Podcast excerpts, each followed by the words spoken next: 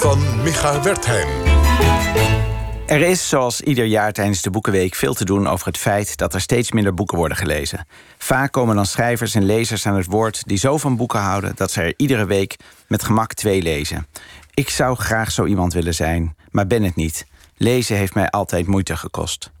Dat ik toch van lezen ben gaan houden, heb ik te danken aan twee bijzondere leraren.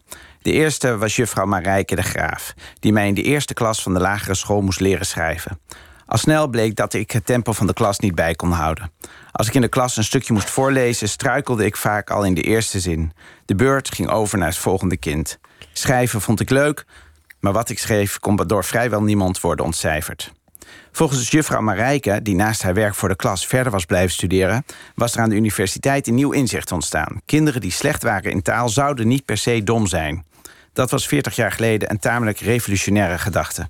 Volgens juffrouw Marijke was ik dyslectisch. Een diagnose waar toen nog vrijwel niemand van gehoord had.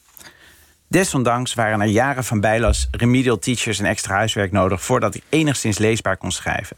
En nog steeds breekt het zweet me uit als ik in de kleedkamer van het theater waar ik moet optreden een gastenboek met een pen aantref.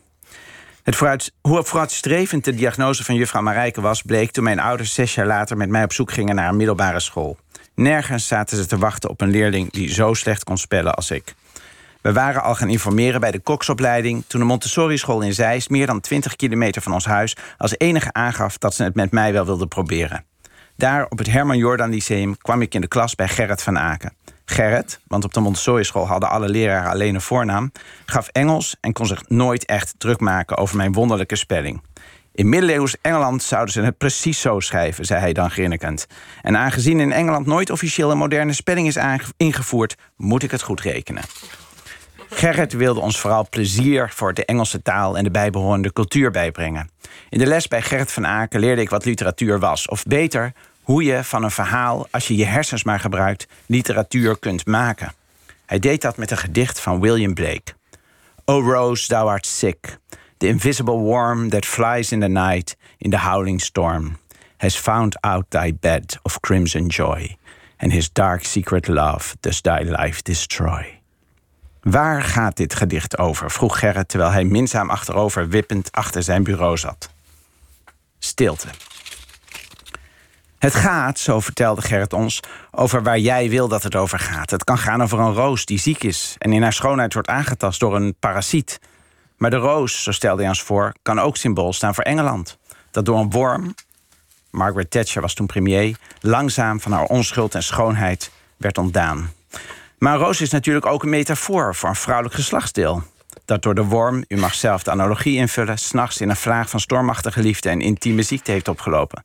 Of misschien is de liefde zelf volgens Bleek wel een ziekte die ons allemaal vroeg of laat bederft.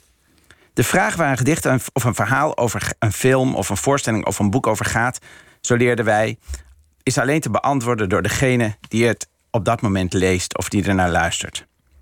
Als wij Gerrit met goede argumenten konden overtuigen, mocht van hem het gedicht ook over alles gaan.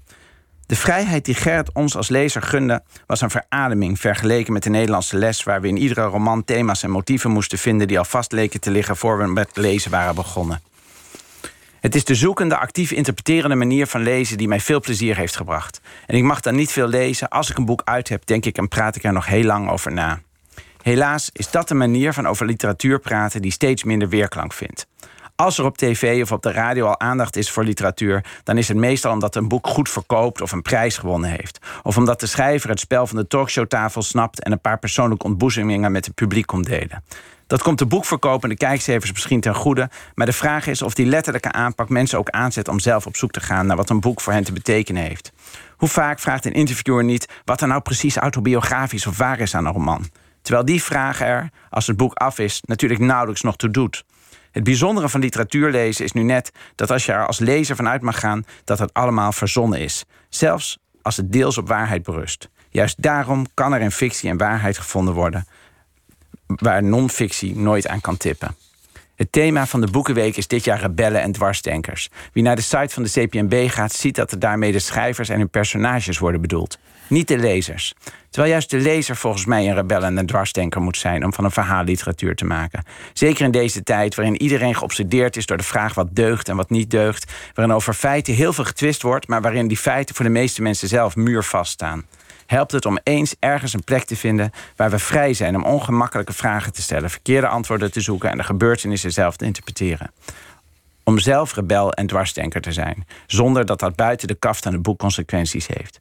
Omdat dat leuk is en ontspannend, maar ook omdat het ons kan wapenen tegen die met hedendaagse obsessie met waarheid en morele deugdzaamheid. Dankzij de lessen van Gerrit van Aken heb ik geleerd hoe ik mij al lezend kan wapenen tegen onzekerheid, onduidelijkheid, ongemak en eenzaamheid. Dat mensen minder lezen is jammer. Maar dat die vrije manier van lezen steeds minder aandacht krijgt, dat baart mij veel grotere zorgen.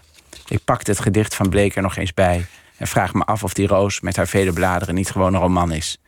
En die onzichtbare worm, die vliegt in de nacht. Misschien bedoelde Bleek daar in 1800 wel de televisie mee, die naar poging zoveel mogelijk kijkers te trekken, het vrije lezen en daarmee het literaire lezen langzaam de das omdoet. Oh Rose, thou art sick. Ja, Micha, bedankt. Uh, jij kunt iedereen een leraar als meester Gerrit. En dan zou er geen ontlezing zijn, et cetera. Dus uh, bedankt hiervoor. Nou, ik gun iedereen minder tv.